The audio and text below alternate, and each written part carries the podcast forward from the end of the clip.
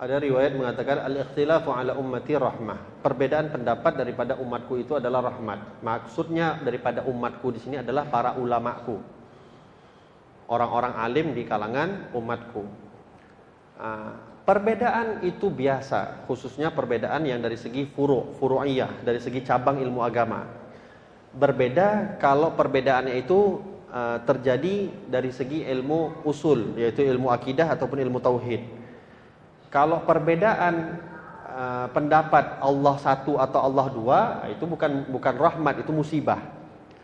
Tapi kalau perbedaan hanya sekedar misalnya sholat tangan kayak gini, sholat kayak gini, tangan gini, tangan gini, tangan gini, yang penting sholat, nah itu rahmat. Kalau kita mendapati ada yang mengatakan satu hukum misalnya haram, ada yang satu lagi mengatakan makruh. Ulama yang kita dengarkan langsung daripadanya mengatakan haram, sementara mungkin kita baca di dalam kitab ada ulama lain mengatakan makruh, maka jalan keluarnya adalah kita tidak menyalahkan yang mengatakan haram dan juga kita tidak menyalahkan yang mengatakan makruh. Kalau dua-duanya memang ada khilafnya, yang haram punya dalilnya, punya hujahnya, yang makruh juga punya hujahnya, maka kedua-duanya benar.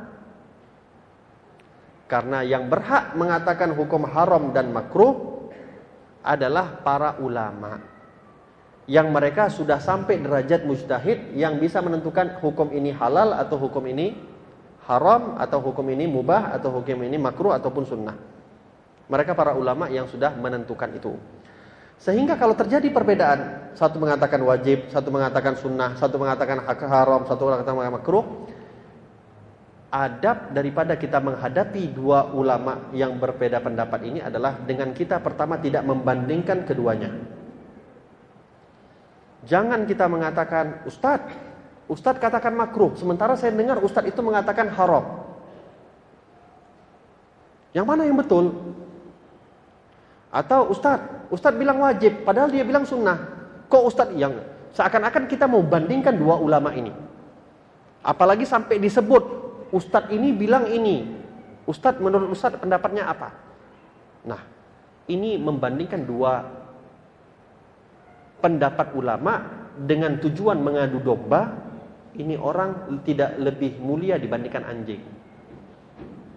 Dulu Habib Salim bin Jindan pernah didatangi satu orang.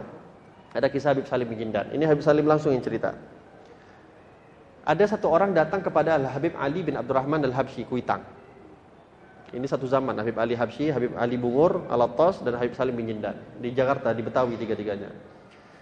Habib Ali Habsyi di antara tiga ini yang paling alim.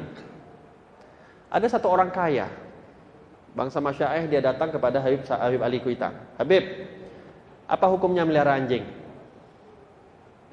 Ah, kalau melihara anjing berarti sudah menyentuh anjing dan segala macamnya. Apa hukumnya Habib? Habib Ali jawab secara nas, oh hukumnya itu haram melihara anjing kalau bukan anjing uh, penjaga rumah hukumnya haram bagi seorang muslim. Ini orang yang nanya melihara anjing. Dia nanya bukan nanya hukum nanya pembenaran. Gak puas datang kepada Habib Ali Bungur. Habib Ali bin Husain al -Attas. Habib apa pelihara hukum anjing? Meliharanya apa hukumnya melihara anjing? Haram. Habib Ali Bungur juga jawab sesuai nas haram hukumnya Wah, nggak bisa diajak kompromi. Tanya yang ketiga Habib Salim bin. Habib Salim udah tahu ini orang pernah nanya ke Habib Ali Kuitang sama Habib Ali Bungur. Habib Salim, tahu antum ini orang alim, masya Allah.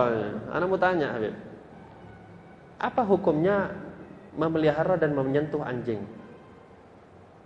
Kata Habib Salim bin untuk ente, untuk ente halal. Untuk ente ya, untuk ente halal. Ini orang, ah ini nih baru ulama, ini yang benar, ini baru tahu hukum, nggak semuanya dibilang haram, ini baru benar. Subhanallah, permasalahan ini terdengar sama Habib Ali Kuita. Dipanggil, ya Salim, ta'an. Salim, sini, datang. Anda dengar orang ini nanya sama ente, ente jawab hukum anjing, melihara anjing itu halal. Di mana dalilnya? Kata Habib Salim, Beb, Anda tahu hukumnya haram, tapi bagi dia halal. Nah, kenapa? Dia kan anjing, anjing sama anjing nggak apa-apa megang. Di mana letak kemanusiaan Habib? dia sudah nanya sama engkau, engkau jawab haram. Dia sudah nanya kepada Habib Ali Bungur, Habib Ali Bungur juga bilang haram. Kenapa harus tanya lagi sama aku? Nah, itu kan namanya anjing, Bib. Anjing mengelar anjing nggak apa-apa halal. Nah, yang oke, okay, berarti adab adalah tidak membandingkan. Dengan apalagi khususnya di depan. Contoh ada Ustadz A datang menjawab hukum kita pernah dengar di YouTube ngomong haram. Lalu kita bilang, kepada datang kepada saya, Beb, kenapa bilang ini? Padahal Ustadz ini kan bilang, ah, itu bahaya. Membandingkan orang dua orang yang mempunyai hujah yang khilafiahnya itu hanya daripada segi furu, maka ini berbahaya. Jangan sekali-kali kita membandingkan. Yang kedua, jangan menyalahkan keduanya. Bisa jadi yang bilang haram punya hujah, yang punya yang bilang makruh juga punya hujah. Tergantung condongnya hati kita mau ikut yang ke mana. Kalau kita merasa nyaman dengan pendapat yang mengatakan haram, ikut yang haram. Kalau kita lebih nyaman dengan pendapat yang makruh, ikut yang makruh. Wallahu a'lam bishawab.